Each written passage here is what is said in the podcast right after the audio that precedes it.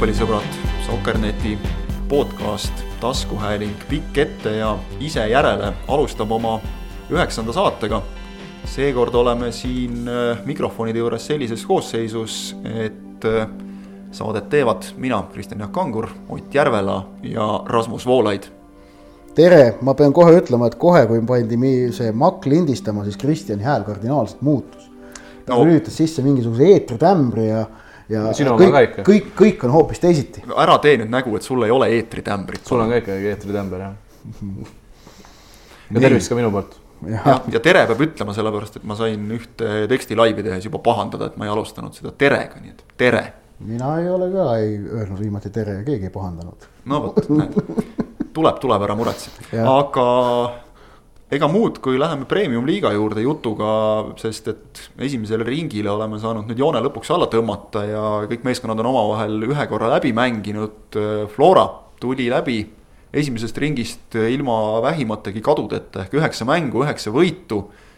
ja Flora jaoks mitte viimase vooru parim tulemus ei olnud nende enda kuus-null võit Kalevile, see oli ka muidugi tähtis, aga, aga vaata, et sama tähtis oli see, et Levadia sai kaotuse, teise järjest, kaotasid Florale, kaotasid nüüd Hiiul, Nõmme, Kaljule ehk et esimese ringi lõpetuseks Flora edu Levadia ees kuus punkti, Kalju ees kaksteist punkti, Ott, sa olid Hiiul kohal, sa jälgisid seda mängu, tegid sellest mängust kokkuvõtte, rääkisid asjaosalistega.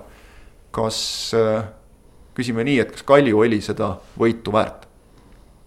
minu meelest oli äh, e minu meelest oli Kalju äkki isegi võitu väärt rohkem kui Flora nädal aega varem Levadiaga mängides. Äh, ehk et äh, Kalju, tõsi, jäi ka eile esmalt Levadia surve alla, aga, aga suutis sealt siiski välja tulla. Kaljul oli väga äh, noh, Kalju oli selgelt selleks mänguks konkreets-, koostanud sellise nõnda öelda butiikplaani. et, et, et teinud eraldi plaani ainult selle mängu jaoks suutsid selle laias laastus lõpuks ka ellu viia. jah, muidugi neil vedas ka, et seal Nikita Andreev üle jala, üle ja mööda kõmmutas, aga samas jällegi äh, kaks-null seisult, kui Kalju lõi oma kaks-null värava ära, või tegelikult isegi me võime öelda niimoodi, et kui Kalju läks mängu juhtima, siis pärast seda tekitaski Levadia veel ainult ühe väga hea väravavõimaluse, millest nad ka värava lõid. Ega neil viimase kahekümne minuti jooksul ei olnud šanssi, kus nagu noh, mille peale oleks mõelnud, et pagan, sellest oleks pidanud selle viigi ära lööma ehk et selles mõttes jah, ma arvan, et äh, Kalju oli seda võitu väärt. aga, aga, aga räägime ennem Kalju juurde minekut, ma tahaks rääkida nüüd Levadiast. et Levadia lõpetas siis ringi kahe kaotusega, mõlemad üks-kaks kaotused kahele suurimale rivaalile, eeldatavale suurimale. ja, ja no minu meelest on ilmselge, et neid kahte kaotust tuleb vaadata nagu paketis. sellepärast, et seal ilmnesid väga sarnased asjaolud äh,. asjaolud on järgmised, esiteks äh, võimaluste, tekitatud võimaluste arv on täiesti soliidne.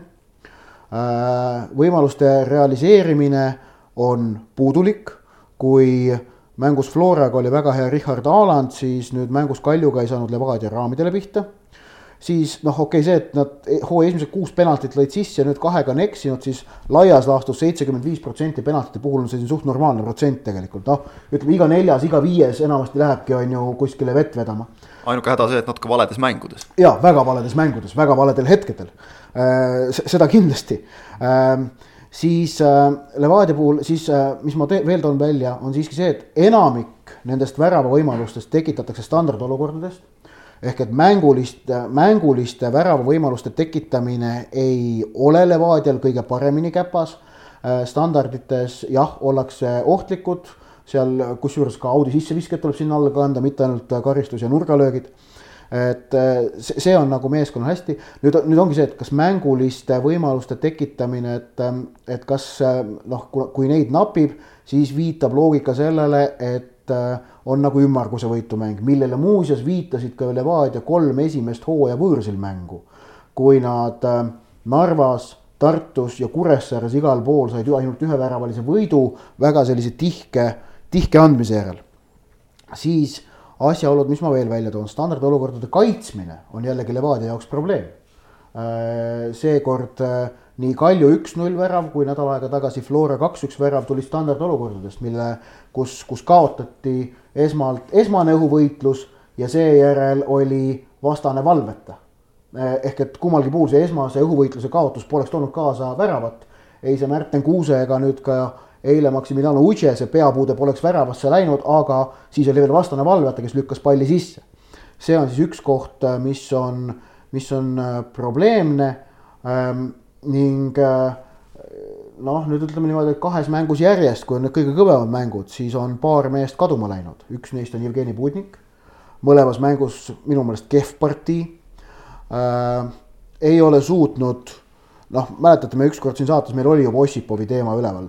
Ma küsisin, kas, kas ta on teid veennud äh,, toona ma ei mäleta, kas paneelis olid Kasper oli kindlasti, Kristjan äkki olid sina. mina olin, mina olin. või Rasmus, sina olid ja Kasper ja Rasmus, te ütlesite, et, et äh, Äh, jah, on, ma ütlesin, ma ei ole nii kindel. minu meelest nüüd nendes kahes mängus Flora ja, Flora ja Kalju vastu jällegi ma ei ole kindel selles Ossipovis, kes peab seal kaitseliini liider olema. ma nägin, ma nägin eile Hiiul temal paaris episoodis seda head sellist noh, liidri tegutsemist esimesel poolel kaitseliini juhendades näiteks seal karjus no sõimas Podoljuzinil platsi peal näo täis täiesti asja eest, on ju, kui too oli kuskile taha konutama jäänud. aga, aga jah, et äh, noh, tema peab olema selle kaitseliini liider, kas ta, kas, kas ta veab selles rollis välja, eks näis. Äh, Nikita Andreev lõi küll nüüd eile värava, teenis mängus Floraga penalti, aga eile jättis ta null-null seisul kaks väga head šanssi jällegi löömata. ehk et äh, noh, jällegi neid väikseid asju, mis kust jääb jälle kogu aeg natukene või midagi puudu, on minu meelest Levadial äh,, kuidas öelda, alarmeerivalt palju. vaatasin, et kas see on juba peaaegu nagu väike trend, et äh, Aleksandr Rogic nagu suurtes mängudes ei too võitu ära, sest et äh, võtsin huvi pärast ette eelmise hooaja, seal äh, üks, kaks võitu Flora üle hooaja viimases voorus ja siis aprillikuus võideti Florat ja, ja nüüd on siis. Kalju vastu ei saadud ühtegi, on ju. Kalju vastu ei saadud ühtegi, ehk et mm. viimasest, viimasest kümnest mängust, kui nüüd selle hooaja kaks, kaks viimast ka juurde arvata, siis. superkarikas ka. Superkarikat, superkarikat ma ei lugenud praegu okay.. karikamänge karikamänge ei lugenud, superkarikat ei lugenud, vaatasin ainult liigamänge. Flora vastu. jah, jah ja. ja., et aga ma vaatasin praegu ainult liigamänge, sest noh, karikad on vahel natuke teised asjad, superkarikas on veel kolmas asi täiesti aga liiga mängudes kümme mängu, neist kümnest mängust need kaks võitu Flora üle, kolm viiki, viis kaotust. ehk et kas see on nagu trend juba väikest viisi? Flora ja Kalju vastu, oota, sa ütled siis, et viiskümmend protsenti kaotusi Levadia peatreenerina, kakskümmend protsenti võite see oli nüüd Levadia peatreenerina, Infoneti jätsin kõrvale, seal olid minu meelest kolm-kolm mängud, kolm võitu okay,, kolm no, kaotust, see oli teine meeskond. ta no., ta võttis selle poole hooajast üle, see pole teine, see teema. see ei lähe nagu arvesse, aga ah. nüüd, nüüd, kui ta on saanud ikkagi poolteist aastat noh, ei no see protsent, kui sa ütled, et protsent on see, et ta on suutnud Flora ja Kalju vastu võita Levadia peatreenerina liigas kakskümmend protsenti mängudest, siis see on Levadia peatreeneri jaoks mitte rahuldav, kindlasti, mitte mingit muud varianti ei ole. Rasmus, sina, sa olid ka eile statkal, ma tean, aga, aga noh, ma ei tea, kommenteeri seda, kuidas mina Levadiat nägin, ole hea.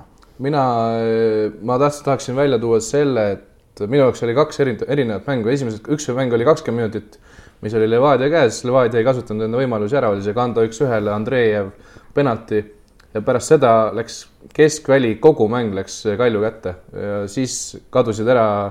Katšuki polnud näha. Katšuki polnud näha, Morelli ei olnud enda koha peal, ta mängis ju, ta mängis kaheksa peal põhimõtteliselt, see ei sobinud talle üldse minu arust, see mängu ehitamine Levadial oligi, oligi puudulik, seetõttu kannatasid ka Roosnupu mäng, Putniku mäng, Andrei mäng. jah, Roosnupu polnud ka üldsegi näha, ta ei saanud palli jah, just ja see Roosnupu Kruglovi äär, mis tavaliselt toimub, toimib väga hästi, ei toiminud eile ka, no muidugi Kruglovi, Kruglovi teine poolega oli pärsitud vigastusest, mis ta sai ja. umbes kümnendal sekundil, aga aga, aga siiski jah, ja seetõttu ma kiidaksin Kalju keskvälja, eriti Reginaldi näiteks, kes äh, nagu põhimõtteliselt äh, üksinda selle. ja huvitav oli ka see, vaata, et tegelikult ju Katšuki otsene vastane mõnes mõttes oli Igor Subbotin jah, jah. ja, ja kui me nüüd tõdeme tõesti, et Katšuki eile nagu väga näha ei olnud, kui välja jätta noh, tavapärane kollane ja siis pärast äh, tavapärast kollast tehtud veel üks viga, kust äh, ta lootis kohtuniku armulikkusele, mida Kristo Ohver eile ka ilmutas ja antud episoodis ka täiesti põhjendatud muuseas minu meelest, äh, siis siis järelikult tuleb ka Subbotinit tolles omapärases rollis kiita, et noh, et siis Kalju mängis kui, kui Kalju pidi kaitsma ja Levadia tagant alustas, siis Kalju asetus oli neli, üks, kolm, kaks.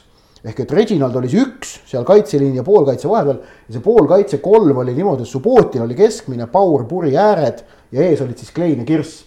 Et see oli nagu selline noh, täitsa harjumatu oli vaadata sellist, sellist kaljut ja noh, Sander Puri pärast ütles, et meil olid, et Levadial on kindlad käigud, meil oli plaan need kinni panna ja panime. et, et aga tõesti, et noh, Levadial ka noh, liiga üheülbane, liiga üheülbane. ma ei tea, kas see, kas see alguse nii-öelda hea hoog oli tingitud sellest, et no esiteks Kaljul oli ootamatu asetus, harjumatu asetus ja teiseks võib-olla nad kartsid ka natukene või noh, see vana kaheksamänguline närvilisus võis natuke jalgades olla, aga siis ka Levadia ei löönud omasid ära ja nad said oma mängu käima, siis olid nagu ülejäänud seitsekümmend minutit või kuna see penalt oli vist kahekümne seitsmendal umbes, ülejäänud tund aega oli täiesti selgelt. Kalju tundis väga mugavalt väljakul. täiesti selgelt Kalju mäng jah mis kindlasti oluline uue peatreeneri Roman Kožuhovski jaoks, et, et ta julgeb teha sellises mängus selliseid muudatusi.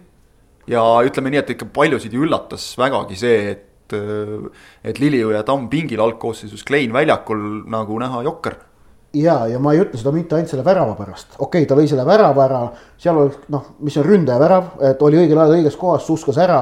Äh, noh, viis pluss selle eest, aga minu meelest see Kleini mängija tüüp ja kuidas nagu Kozuhovski oli häälestanud Kleini selles mängus, noh.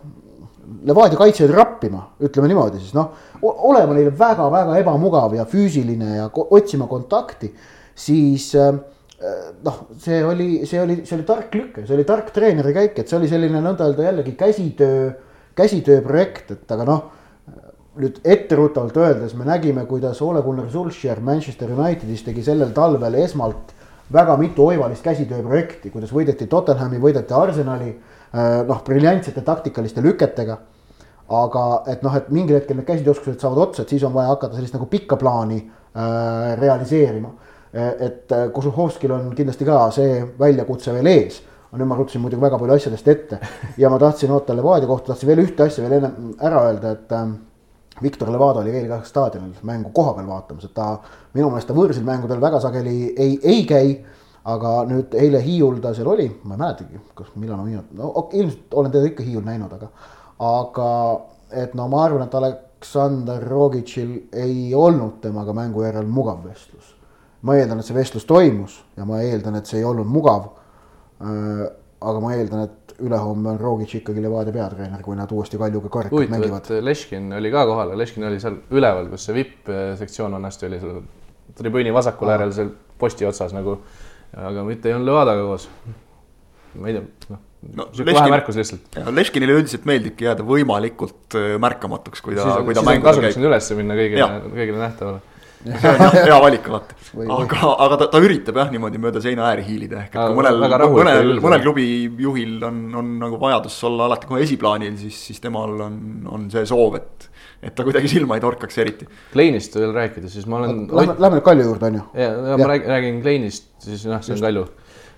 ma olen nõus sellega, et ta oli tõesti agressiivne, ta tegi kaitsjatele töö ebamugavaks, aga tema nii-öelda noh, mänguline pool, eks ju, pallipuuted ja siuksed, sellised asjad Äh, mina isiklikult arvasin selle esimese poole ja lõpus, et kui poleks seda väravat tulnud, siis võib-olla ta oleks isegi poolel välja vahetatud, sest noh, sellist mängulist, mänguliselt ma ei ütleks, et ta seal rünnakul väga palju, väga palju andis just ja puuted olid sellised äh, noh, kleinilikud ma kardan, et siin mängib lihtsalt mängupraktikaga rolli natuke. ta muidugi, ta tuli esiliigast, esiliiga B-st ja tuli.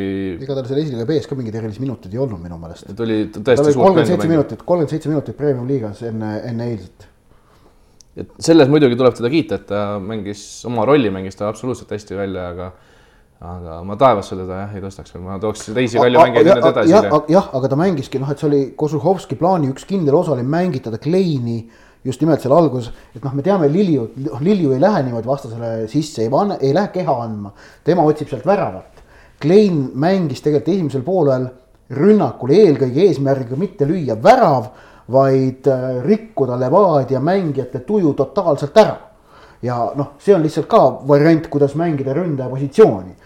Et äh, noh, ütleme, oleme ka Eesti koondises äh, näinud aegade jooksul ühte, ühte ründajat, kelle noh, üks väga suur väärtus oli noh, see niinimetatud must töö. no nimetame seda laias plaanis mustaks, mustaks tööks ja, ja vastaste jaoks ebamugav olemine. et ta, ta, ta ei löönud väga palju väravaid, aga, aga, aga ta oli äh, mitme treen-, mitu treenerit hindasid teda, ma Kristjan Viikmäest räägin. Et, et noh, see, see, see on nagu üks variant, kuidas jalgpalli mängida no, Reini ja Viikme vahel võib seoseid tuua ka. jah, ärme unustame, kus klubis Viikme töötab, nii et, et see on suhteliselt loogiline. ma nägin pärast mängu selliseid noh, mõneti ka mõistetavaid emotsionaalseid hüüatusi, et nüüd Nõmme Kalju on äh, suures mängus tagasi. Nad on kaksteist punkti Florast maas. jah, ise julgeksin äh, öelda, et nad, nad vältisid äh, suurest mängust täielikult väljakukkumist. Oleks nad kaotanud, siis noh, oleks tõesti olnud absoluutselt kõik. praegu on veel mingisugused variandid õhus, aga noh, ilmselt Kalju ei saa selle peale praegu mõelda, praegu on see hetk, kus võtta üks mäng korraga ja. Need ei ole mitte kerged mängud, mis neil tulevad kohe nüüd juba, karikamäng, siis Paide ootab siin kohe varsti ees, see on tegelikult nende jaoks vaata et kõige tähtsam mäng praegu. jah, aga ma usun, et see, et see emotsionaalne pauk, mis sellest võidust saadi, on, on päris oluline, selle pealt võidakse üht-teist siin veel teha, et. Et said fännid ka tagasi põhimõtteliselt, võib öelda ja, ja, ja fännid olid kohe algusest taga, algusest peale Kalju taga ju tegelikult seekord. no see ei, seda küll, aga lihtsalt see võit äh, lõppes, võidumäng lõppes sellega, et fännid hüüdsid, et tere tulemast tagasi no.. aa, okei okay,, seda jah, seda ma ei kuulnud. seda, sa vist olid selleks ajaks sisse ära läinud juba, aga fännid hakkasid skandeerima seal jah, et tere tulemast tagasi ja ja tundub, et nagu see suhe on ka ikkagi nüüd, nüüd on ikka üdini positiivne taas. jah, ja kogu selline olek ja Kalju mängijate olek ja see tundus nagu selline lõbusam ja rõõmsam ja vabam, et noh, et noh, nüüd on tagantjärele tarkus jällegi, et noh, paistab, et paistab, noh ilmselgelt Frantseviga oldi jõudnud mingisse krampi. kust, kust ei, ei noh, kas ei tahtnud enam, osapooled ei tahtnud enam üle saada või ei osanud üle saada. et Kožuhovski esmane efekt oli selgelt näha, et noh, ta, ta oli, muidugi ta värskendas koosseisu, ta värskendas süsteemi. Need mõlemad asjad omavad alati jalgpallis sellist äh, nagu raputavat mõju ähm,. aga äh, nüüd, nüüd ongi ta noh, väljakutse on tal see, et ka, ka, kas ta suudab seda nagu hoogu ja fooni hoida. et äh, aga huvitav mäng oli Hiiul, huvitav mäng. Äh, huvitav mäng ja ennekõike huvitav tulemus oli äh, selles viimases voorus ka Narvas. ehk et äh, huvitavad sündmused on Narvas olnud ennekõike. Valeri Bondarenko esimene, noh esimene mäng nüüd siis kuuendat korda Narva Transi peatreeneri rollis olles, kordan üle, kuuendat korda ehk et samas vaimus minnes võib-olla jõuab kümnekordse Narvas käimiseni, aga, aga sina, Rasmus, said seda mängu lähemalt jälgida, noh, niivõrd-kuivõrd eh, Eesti ilmastikuga võitlemine võimaldas. Eh, telgi kinnihoidmise kõrvalt, mis on Eesti jalgpallikommentaatori igakevadine ja sügisene hobi alati. aga seal nüüd jah, treeneri vahetusest mingit tulu ei tõusnud, vaid eh, hoopis Viljandi just arutasime siin ka tegelikult omavahel ju, et, et oli see nüüd üllatus tegelikult üldse. et Viljandi suutis äh, võõrsil äh, Transi võita, kui ma ei eksi, see on tegelikult neil eelmist aastat ka arvestades teine võit järjest Narvast tuua. esimene ja..., eelmine oli Viljandis. jah, see oli Viljandis, õige aga, aga ikkagi võita, eks ole, jällegi Trans ja noh, vaadates neid tabelis, siis nad tegelikult teineteisest nüüd nii kaugel lahus ka ei ole, Viljandi on viimasel ajal täitsa soliidselt mänginud, nüüd tuli lõpuks üks noh, tõeliselt hea ja korralik tulemus ka mis, mis Transil puudu jäi selles mängus? väravalööjast, nagu Kasper ka kirjutas ülevaates, täiesti nõustun. teevad kõik ära, aga neil ei ole seda, neil ei ole Barkovit, neil ei ole asendajat, on sellised äh, on ka head jalgpallurid, aga ei ole sellised noh, äralükkajad tüüp, tüübid. Mägu uus ei ole seda, on ju. Plotnikov lööb nagu, nagu ütles Bondarenko, et tal on sihuke hea löök, aga sellest noh, seda ta kasutab ainult väravast eemal mm. -hmm. ta lööb kolmekümne pealt ainult, eks ole ja Kaspar Ravitšius. ääremängija tüüp, ma ütleks, ja niisugune tehniline, aga samas ka mitte lükkaja vend seal värava ees. Kaspar Ravitšius on ikkagi puhas äär, kes, kes võtab ja teeb, noh, mäletan, kui ta enne hooaja algust, kui ta tuli, siis vaatasin, otsisin mingit videot, et natukene meest pilti ette saada, meenutas kangesti meie Tarmo Kinki selles mõttes, et mees, kes noh, on saanud korraliku jalgpallialase alghariduse, võtab ette, ise julgelt teeb. aga, aga kindlasti jah, ei ole see värava ees realiseerija see mees on selgelt puudu ja ma arvan, et sinna mäng, sinna nahka läks väga selgelt see konkreetne, konkreetselt see tulevikumäng. Ja tulevikul muidugi tuleb nende plaani teha absoluutselt kiita, sest äh, kaitses seisti ära. Kallaste püüdis need löögid, mis talle tulid ja ühest rünnakust piisas. ja Lükka ja Kaimar Saagi näol on no, tegelikult juba teist vooru järjest olemas, eks ole. Joosep Salistev, kellega ma rääkisin pärast mängu, ütleski, et meil ei ole Kaimar Saagi, nagu see oli tsitaat, et Viljandi eh, tulekul on see mees olemas, kes, kes peab olema seal värava ees ja meil seda paraku praegu vist ei ole. kuidas sulle seal Narvas need üldiselt meeleolud tundusid, arvestades seda, et et, et, et noh, need eelmisest treenerist lahkuminek oli väga ootamatu, tundus, et see oli väga ootamatu ka mängijatele seda nagu ei paistnud mängust kuskilt välja, et, et mingi, mingi pinge oleks selle, selle tõttu üleval. jah, ma ütleks pigem mitte. see on sama asja, sama asja küsisin ka samuti Salistelt pärast mängu, et mis, mis, mis tunne riietusruumis oli, et noh, et tegelikult on kõik hästi, et neil on endiselt ju tol hetkel oli neljandal kohal veel tabelis ja, ja nad ütlesid ka, et noh, natukene sõimasime üksteist, aga tegelikult sellise noh tegelikult on, on, hoiavad pead püsti, sest nende jaoks ju tuleb kõige tähtsam mäng alles ülehomme. kolmapäeval, on vist ülehomme või on homme? homme, teisipäeval. teisipäeval on see karikamäng Elvaga, kui sealt ei tule tulemust, no vot siis on pinget absoluutselt laes, aga kuniks, kuniks nad äh, on veel karikas sees, tõenäoliselt jõuavad finaali, siis on kõik, ma arvan, tegelikult kõik laias laastus hästi vahepeal kuuleme siin taustaks ka ehitustöid, mis ainult rikastavad meie taskuhäälingut. A Le Coq Arena on nagu Tallinna linn, kunagi valmis ei saa, kogu aeg töö käib.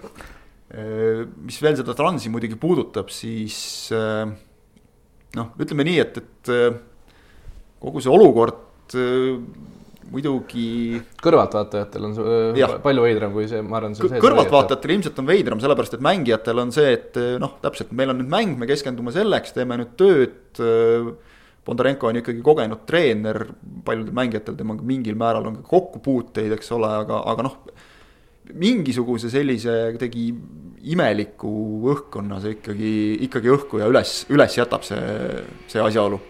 et, et, et, et niimoodi treenerit Äh, vahetada, noh, ütleme jah, rääkisin ühe sõbraga, kes on, kes ka jälgib Eesti jalgpalli, küsisin või noh, arutlesime temaga, et, et kui, kui oleks selline, ütleme, klubi Eestis, kus, kus peatreener äh, teeb oma tööd liiga hästi justkui. ehk et äh, saavutab eesmärgi, siis peaks talle justkui rohkem palka maksma leitakse, et, et ei ole ta siis seda väärt nagu ja võetakse uus mees tema asemele. ja, ja kui sinna sellega kaasneks veel võib-olla ütleme selline olukord, kus, kus kui president võib-olla sekkub natukene rohkem, kui, kui on tavapärane või harjumuspärane mängijate valikusse, taktikasse, vahetustesse, viibib ka pingil, osaleb nii-öelda aktiivselt mängus, et et kuivõrd nagu aus sellisel juhul see treeneri vahetamine oleks. noh, tema leidis, et see ei oleks väga võib-olla õiglane ja võib-olla kui sellele järgneb kaotus, siis võib-olla see mõnes mõttes oleks nagu mingi märk, ma ei tea, karmast või millestki selliseks. aga noh, see on kõik juhul, kui meil oleks Eesti meistriliigas selline klubi ja ja ma isegi ei tea, miks ma seda praegu rääkima hakkasin siin Narva Transi kontekstis aga lähme edasi äh, selle premium-liiga vooruga, üks, üks selline olulisemat mainimist vajav mäng ilmselt veel ja, ja tartlastele mitte kõige meeldivama nurga alt on see, et, et Tartu Tammeka mängis ja, ja jälle viik, ehk et kui me hakkame otsima seda esimese ringi, võib-olla noh, okei okay,, suurim põru ja see tiitel läheb Kaljule, aga kui järgmist meeskonda otsida, kes on nii-öelda lati alt läinud natukene, on see Tammeka? ja kindlasti ega nad ise seal midagi vaevalt vastu vaidlevad ja mitte natuke lati alt läbi, vaid siiski noh, päris korralikult, sellepärast et äh, mängudest esimese viisikuga on neil punkte on ju null ja ta eeldatava tagumise nelikuga, keda Tammek eeldas, et nad hooaja lõikes edestavad, ma endiselt arvan, nad kokkuvõttes edestavadki, aga siis ikkagi kaheteistkümnest ainult kaheksa et selles mõttes noh, kindlasti ei saa Tammeka oma esimese ringiga rahul olla, et äh, ei saadud üleval punkte ja allapoole anti ära.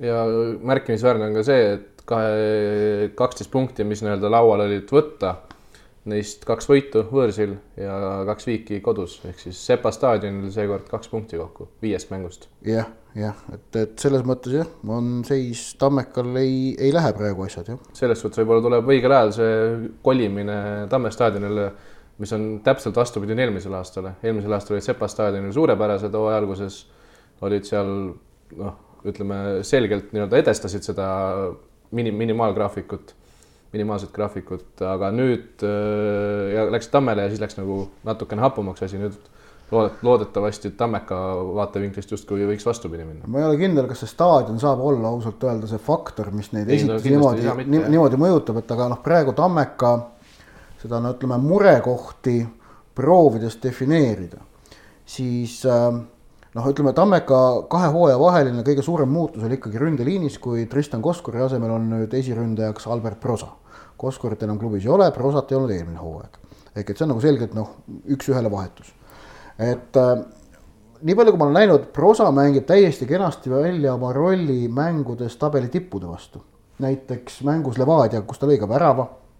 Et ta, ta suudab äh, sellistes olu-, sel-, mängudes, kus Tammeka on selgelt nagu see nõnda noh, noh passiivsem pool või, või noh, paratamatult see pool, kes nagu vähem palli, vähem palli valdab äh,. seal ees äh, oma tööd väga ja ülesandeid väga edukalt täita, aga mul on tunne, et ta ei suuda tabeli tagumiste vastu, mängudes, kus Tammeka peaks ise domineerima, eh, nende kaitsjaid piisavalt kimbutada. ja, ja samas noh, eelmist hooaega meenutas siis Koskor oli nagu, Koskor oli ebamugav kõigi jaoks, on ju.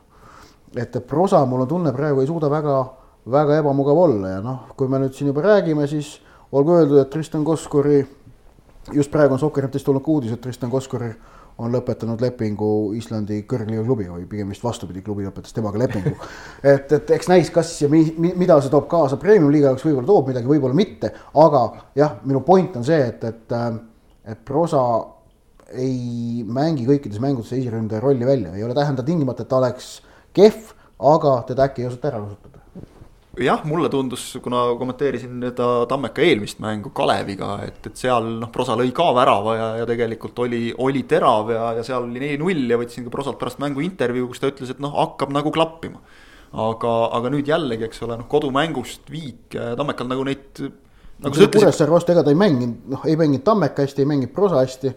Jah, jah, nõus et, et noh, ütleme jah, ma arvan nagu Ott, et küll nad edestavad tõenäoliselt neid, keda nad soovisid edestada hooaja eel, aga pagana no, raskeks on. Nad soovisid ka Paidet ja Transi edestada. no aga nad nendega... kindlasti soovisid võidelda nendega võrdsetena. aga nendega läheb väga keeruliseks ja, praegu ikka. see tundub väga keeruline, vaadates just mängupilti, nagu sa ütlesid, Transil noh, ja nagu ütles ka tegelikult Bondarenko, aga mängupilt kui selline ei olnud väga halb, lihtsalt ei lööda ära, see paistab tegelikult tabelist ka vastu aga kes lõi muidugi ära, oli, oli Flora järjekordselt, noh, tegelikult ega Flora ja, ja, ja Kalevi mängust selles mõttes palju rääkida ei ole, et Flora lükkas kohe käigu sisse ja, ja ega seda tegelikult välja ei võetud lõpuni, mängu lõpuni välja, ehk et, et kui noh, kuus-null oli veel noh, ütleme vähemalt ei olnud kaheksa, nagu võttis Maardu välja Levadia vastu, ehk tegelikult suured klubid, nii Flora kui Levadia on demonstreerinud sel hooajal seda, et sellistes mängudes äh, treenerid ilmselt on teinud head tööd ja noh, muidugi ka mängijad on professionaalsed, pingutatakse lõpuni, ehk et ei, ei võeta jalga pedaali pealt maha ja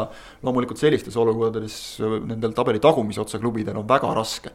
Kalev tegi tegelikult täpselt sedasama, mida ta tei-, on teinud äh, pea kõikides mängudes sel hooajal, ehk mängis lõpuni välja distsiplineeritult, rahulikult, äh, ei hakatud tujutsema, rapsima, äh, vastasid lõhkuma, mitte midagi sellist ei ole, aga klassivahe on lihtsalt niivõrd meeletu mind, Floral on nüüd üheksa võitu hooaja alguses kirjas, et, et äh, siiralt ma arvan, võib hakata ennustama seda, et äh, kui kaua nad seda puhaste paberitega seeriat suudavad jätkata, et ma vaatan kalendrit äh,. tulevik võõrsil, Narva kodus, okei okay,, on keeruline, aga noh, on, on, on raske mäng, aga ikkagi kodus, A Le Coq Arena lai muruväljak pigem kindlasti Floral, noh, annab Florale selge eelise, siis Tammeka võõrsil noh, need kolm mängu nagu tunduvad Flora, praeguse Flora jaoks täiesti võidetavad ja siis kakskümmend üheksa mai tuleb Tallinna derbi teist korda, et, et A Le Coqil Levadiaga, et noh, eks siis näis, aga noh. et kas, kas me läheme juunikuusse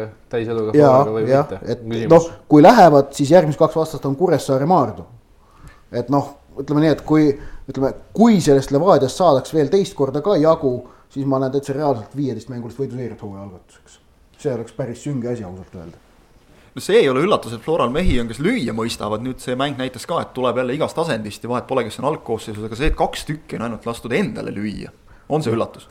jah, see on üllatus, aga noh, samas on see väga suur kompliment Richard Alandile, Märten Kuusele noh, Henrik Pürg on nüüd kindel teine keskkaitsja, aga hooaja alguses mängis seal ju ka Markus Sepik keskkaitses. et, et aga, aga noh, Kuusk on olnud väga hea, Kuusk on tõesti väga hea olnud, mitte ainult kuu parim mängija. jah, ja, ja, jah, ja Haaland samamoodi oli ju meie sümboolse koosseisu väravvaht ka, et noh. tekib küsimus, õigustatud, ma usun, et kas Haaland saab koondise kutse, mida ma arvan, et saab jah, Eesti koondise väravavahtide seis hetkel noh, Sergei Leppmets on, on ikkagi. kindel no, number üks no.. kindel number üks, oleme, oleme ausad, võib-olla ei ole kõige paremini mänginud. Seinajõgis pingil. Aksel on pingil äh,, Igonen on pingil, Vaikla on pingil. noh, Meerits mängib, Meerits saab kutse. Ehk et noh, ja siis ongi, kes on kolmas, et kas on, kas võetakse kogenud Aksalu või võetakse nooremana näiteks siis Haaland jah, ütleb loogika. no Haaland oleks nagu selle auga ära teeninud vähemalt kolmanda väravavahi koha tõesti. nagu me teame, Mart Poom otsustab jah, seda otsustab Mart Poom, seda ei maksa Martin Reimilt küsida. ja viimane, viimane mäng Paide Maardu, mis noh, ütleme. lõppes seisuga kaks-null. lõppes seisuga kaks-null jah, täpselt. Havaiko ütles ka, kui ma talt küsisin, et, et kas võib öelda, et, et läksite tegema seda, mida, mis eesmärk oli, et võtta kolm punkti, siis Havaiko mõtles hetke, ütles jah, võib öelda küll. ehk. see on see, mida ta ise heitis ette Tallinna tippudel eelmisel aastal, et minnakse kolme punkti järele. nüüd nad läks, käisid ise kolme punkti järele, said ka Paidest muidu ei oleks nagu palju rääkida ja, ja noh, ütleme, et hea meelega ei räägikski Paidest, miks hea meelega on see, et, et üks teema Paide puhul on muidugi Kevin Kauber, kellest on paganama kahju, kelle hooaeg noh, väga suure tõenäosusega on läbi. ilmselt teda ei hakata vägisi enam kuskil sügisestes voorudes tagasi ka tooma. põlvesidemete vigastus, operatsioon ja, ja Kauber, kes ju alustas tegelikult väga hästi, kolm väravat kirjas üleüldse oluline koht ongi nüüd hooaja lõpuni eemal. nüüd on Paidele tõesti suur löök, eriti arvestades seda, et Paidel on niikuinii juba vigastustega kõvasti probleeme, Piht, nagu me sellest samast uudisest teada saime, tema tagasitulek on ka teadmata kaugusel, umbes paar kuud tõenäoliselt. jah, ilmselt paar kuud, sest Piht Jata. Äh, käis kannaoperatsioonil, see kand ei ole paranenud, läheb uuesti samale operatsioonile ja, ja viimati oli see eeldus, eeldus, et, äh, et, et paar kuud, nii et jah, suvel. nojah, ja Jata on küll noh, nad ütlevad, et on paranemas, aga samas on, on see, et noh, et see, mida Paide üldse oma mängijate tervise kohta räägib, siis me teame, et noh, et nad ei räägi sisuliselt midagi, nad ongi valinud eh, taktika ja hoiaku, et nad oma mängijate vigastustest tegelikult noh, täpset informatsiooni välja ei anna, mis on noh, igati nende õigus.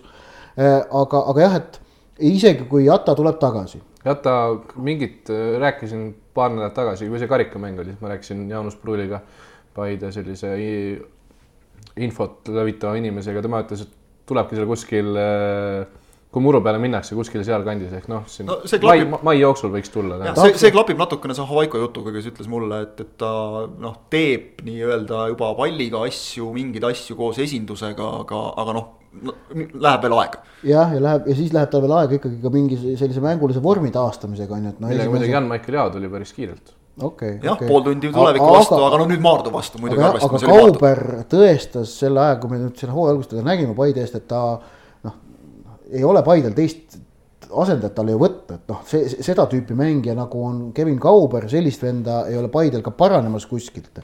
kes on selline noh, ikkagi mitmekesine, kes, kes, kes suudab olla ohtlik kastis, suudab lüüa kaugelt, suudab vajadusel vedada tegelikult ka noh, ründeliini kui vaja, mängib ka ääre välja, et noh, sellist, sellist tegelast ei ole praegu neil võtta, et selles mõttes jah, tohutu kaotus Paide jaoks. aga noh, Paide vigastuste probleemid ei ole mitte midagi võrreldes Maarduga, kellel käis juba viimases mängus oli kolm vahetusmeest. president eh, Maksim Grigošen käis juba ise väljakul, seal on nii mõnigi mees, kes noh, ilmselgelt juba, juba on keskendunud eh, viimastel aastatel noh, nii-öelda mängimisele oma lõbuks premium-liiga tase on, on natukene karm, muidugi jälle tuleb kiita, meeskond võitles, aga noh, nagu tunnistas ka Andrei Borissov mulle pärast, et kui me ikkagi ise väravaid üldse ei löö ja noh, nüüd võib juba seda öelda, et Maardu ei löö ikka üldse väravaid, sellepärast et esimesest voorust kaks tükki, järgmisest kaheksast mängust üks värav ja noh, esimese vooru Tammeka kahest väravast, üks oli ka Tammeka meeste oma värav, ehk et noh, sisuliselt on löönud Maardu üheksa mänguga kaks väravat. see on see teeb nende seisu ikka ausalt öeldes väga keeruliseks ja see juulikuu, kui saaks veel meeskonda nüüd täiendada siin, see on väga-väga kaugel, ehk et Erik Grigorjev ja Vladislav Tšurilkin ei saa veel niipea tulla. meeskonda päästma, noh. ma siin... näen ikka selgelt, et Tallinna Kalevil on nagu parandamisruumi oluliselt rohkem ja ma näen ka seda, et Kalev muutub paremaks ja täiuslikumaks, ka Maardu on selline noh, ma ei tea, see on, ta on nagu selline mingi, ütleme, fluidum, mis hõljub kuskil sellises purgis ringi ja aeg-ajalt äh, mingi nagu õnne äh, toimel saab kokku ja suudab välja teha mingisuguse tulemuse, mida on kaks korda sel hooajal on õnnestunud või kolm aga, aga reeglina ta hõljub seal niimoodi suvalises purgis ringi ja siis noh, seda korjatakse sealt välja, proovitakse mängudeks kokku panna, no ei õnnestu et no on noh, no ei ole noh, noh, noh, noh, pagan, no ta ei paista nagu võistkonna moodi välja, sellise normaalse võistkonna moodi, see Maardu välja ei paista noh. no juba praegugi see, et kogu aeg käib olude sunnil mingi lappimine, et, et noh, mingi keegi peab mängima äärekaitses. Kalev, Kalevil on küll punkte vähem, aga nad on normaalne võistkond, saad aru, mida tehakse, miks tehakse, kes teeb, millal teeb no seda, kes on parem, kes ei ole, saame tegelikult õige pea teada, sellepärast et Maardul on nüüd kaks väga olulist mängu neis, Kuressaarega kõigepealt võõrsil, mis saab olema neetult raske antud olukorras. siin tuleb isegi bussisõiduga ellu jääda kõigepealt. jah, kõigepealt see, et keegi seal nagu jah jalga, jalga ära istu või krampi ei lähe. Premium liigas huvitav esimest korda see, et mõni sats läheb Kuressaarde mängule lennukiga. küsi Viktor Levada käest. ei no, kas, kas keegi siin... teeb ära? Palju siin väga, väga nagu variante on, kellel on võimalust välja käia. ei noh, liinilend läheb ju no. liinilennud lähevad Kuressaarde, noh. ei sõida neli pool tundi bussiga, lähed lennukiga. jah, ühe päeva hoiab kokku ka, sest et siis saab minna mängupäeval. jah, kui mäng on õhtupoole. jah, eriti siis no,. No, variant. Davai, tehke ära. jah, väljakutse kõikidele Eesti klubidele, tehke ära. Järvele paneb auhinna ka välja. väikese.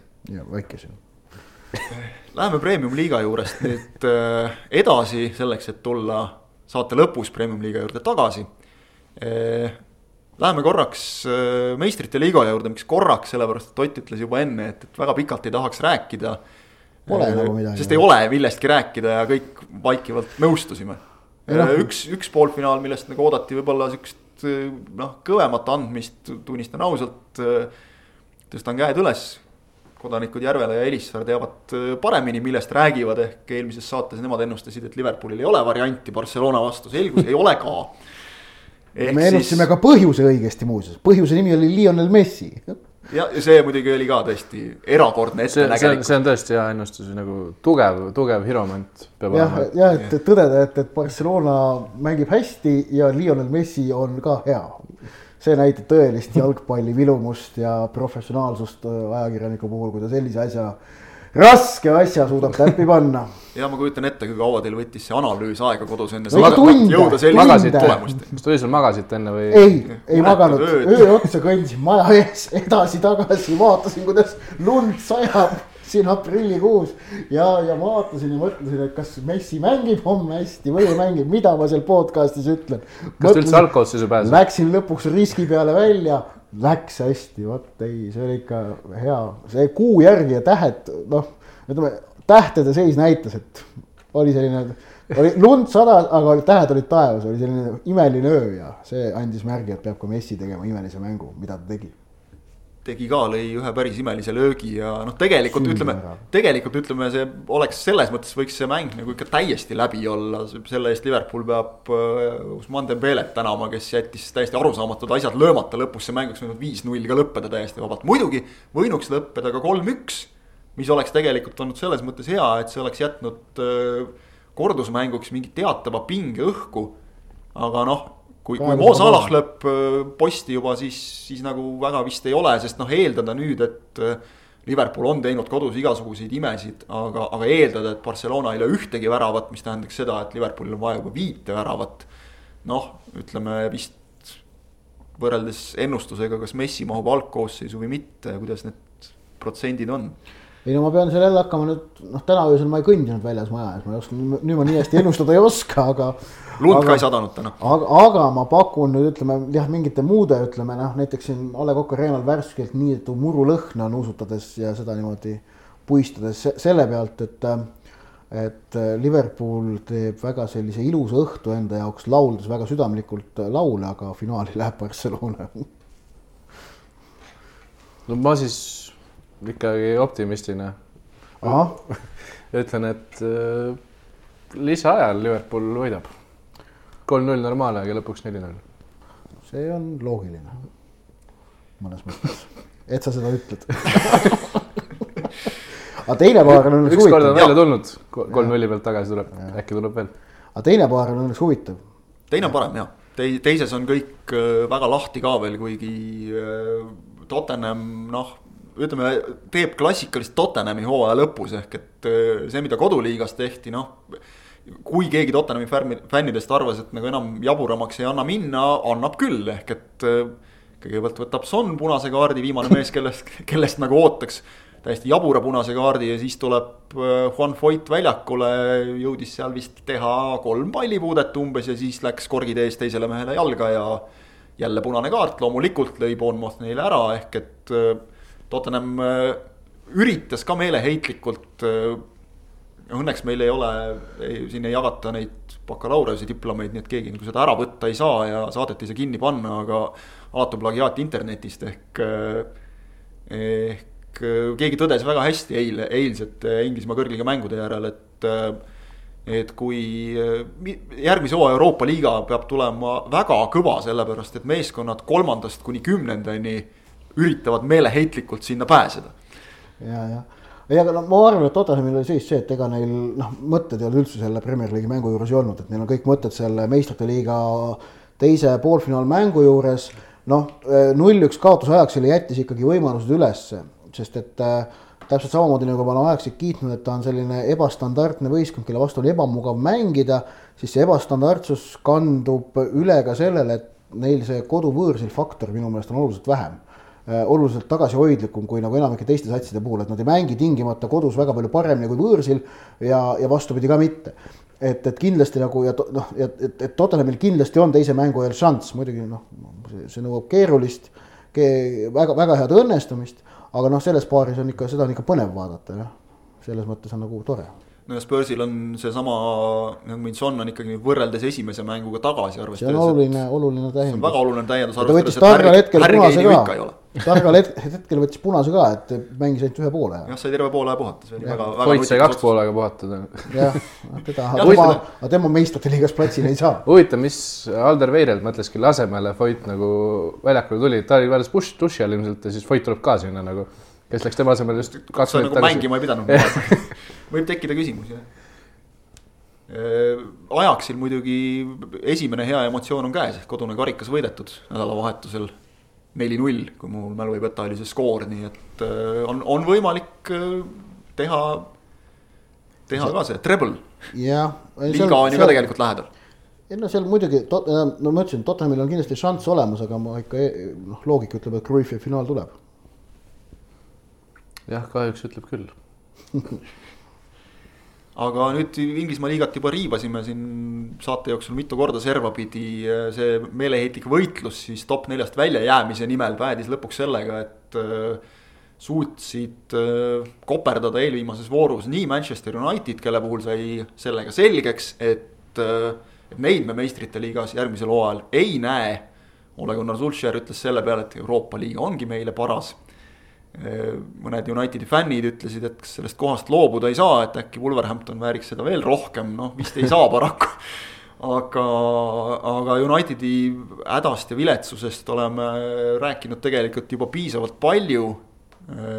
arvan, et las see äkki jääda isegi, et igas saates ei pea ka rääkima sellest, kui halvad nad on, sest et seda näeb igaüks ise ka. aga Arsenal täiesti ootamatu koha pealt tegelikult öö, omas võimalust jätta mitte küll asjad enda otsustada, enda kätte, aga vähemalt jätta oma lootus ellu. nüüd on nii, et noh, jah, punktidega nad võivad lõpetada Tottenhamiga võrdsete punktide peale, aga see eeldaks mingit täiesti jaburat äh, väravate vahet juba, väravate vahe oli vist kaheksa, kui ja, ma ei eksi. ise tuleb võita piisavalt suurelt niimoodi, et. no umbes, et võidad ise neli-null ja, ja võõrsil, mida Arsenal ei suuda üldse, rääkimata neli-nullist ja ja, ja peab äh, Tottenham kaotama kodus Evertonile vist ka siis null neli. no Mainos sai sellega hakkama ju, United. jah. või palju see, kolm-null oli see või? null neli oli see, aga noh, see oli võõrsil, nii et äh, kogu lugupidamise juures Evertoni vastu, ma arvan, et Tottenham sellist jama ei korralda ja noh, ütleme nii, et Arsenal võõrsil. et ta võidaks ja veel võidaks Burnley't, noh, see pigem kuulub utoopia valdkonda nii et äh, Chelsea mängib kindlasti järgmisel hooajal meistrite liigas koos Manchester City ja Liverpooliga ja tõenäoliselt mängib seal ka Tottenham, Arsenalile jääb muidugi veel see tagauks ehk Euroopa liiga.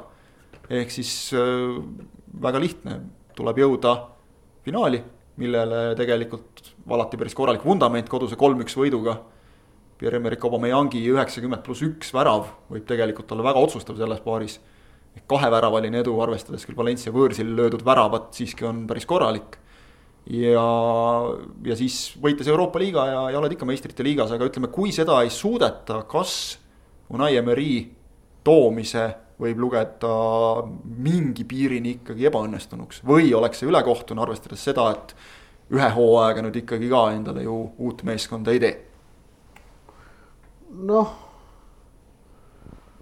ega, ega seal ma ei tea, ei Chelsea, Arsenal ega United saa selle hooajaga laias laastus, ma arvan, rahul olla ikkagi.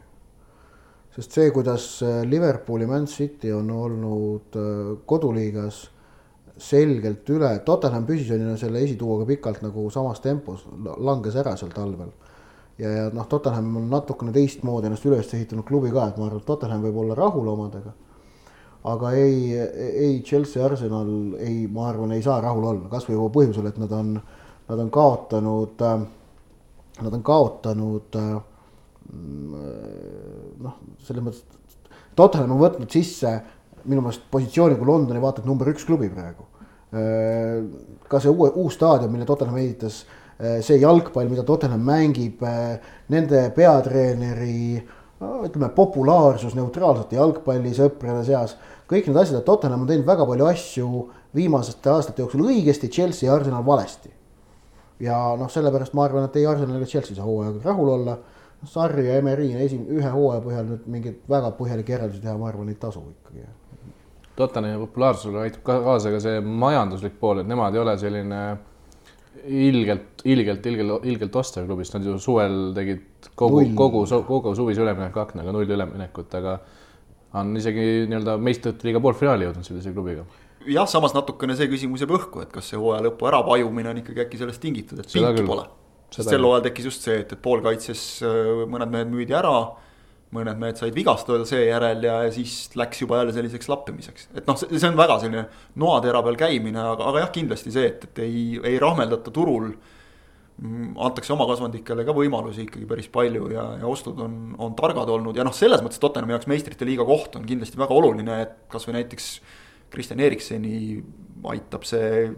kõiki mängijaid aitab see, kõiki mängijaid aitab see kinni hoida, et saavad uuesti meistrite liigat mängida, kindlasti see on väga hea argument ja sellega nõus ülejäänud Euroopa suurliigade tiitliheitlused on peaaegu igal pool mujal juba ammu otsustatud. BSG mehed on juba mõtetega kuskil kuu aega umbes kuskil rannas vist. Juventus laseb ka juba suhteliselt vabakäigul. aga Saksa, Saksa, Saksamaa hoiab veel pinget üleval ja muidugi noh, Barcelona, kes mängis siin nagu tabavalt öeldi varumeeste varumeestega viimast liigamängu aga neil ei ole ka enam mitte midagi kaalul, nemad loomulikult mõtlevad oma meistrite liigas, aga Saksamaa... Saks, Saksamaal nüüd tundub jällegi see, et, et kui Inglismaal ei taheta neljandat kohta, siis seal tundub, et Dortmund ei taha seda tiitlit kuidagi ikkagi. tahab seda kangesti Bayernile ulatada, see vist sai nüüd selgeks nädalavahetuse vooruga. kaks-kaks viigiga Werderi vastu. usun küll jah, et äh, nüüd kolmandat korda enam äh,, kolmandat võimalust neil ei, kolmandal nädalavahetusel järjest ei pea enam sellest loobuma. et nüüd vist loobusid lõplikult teisega ära. Eelmine nädalavahetus oli täpselt samamoodi, kui Schalkega kaks punast kaarti ja, ja kaotus. neli punkti vahet, kaks vooru minna, et noh, seal ei tohiks enam küsimusi ju olla. nii et jätavad inglased veel ainsana igal juhul, ükskõik kuidas lõpeb täna õhtune. Portugalis jääb ka viimasele voorule muuseas. Ilm, ilmselt, kui midagi väga imelikku ei juhtu. tee see tabeli ülevaade ka meile siis. Portugalis on seis see, et Benfica edestab äh, Portut kahe punktiga ja kaks vooru on mängida et, et selles mõttes jah, põnev seis ja nädalavahetusel võitis Lissaboni Sporting Belenensest võõrsil kaheksa-üks. ei ole nii, et ainult Eestis.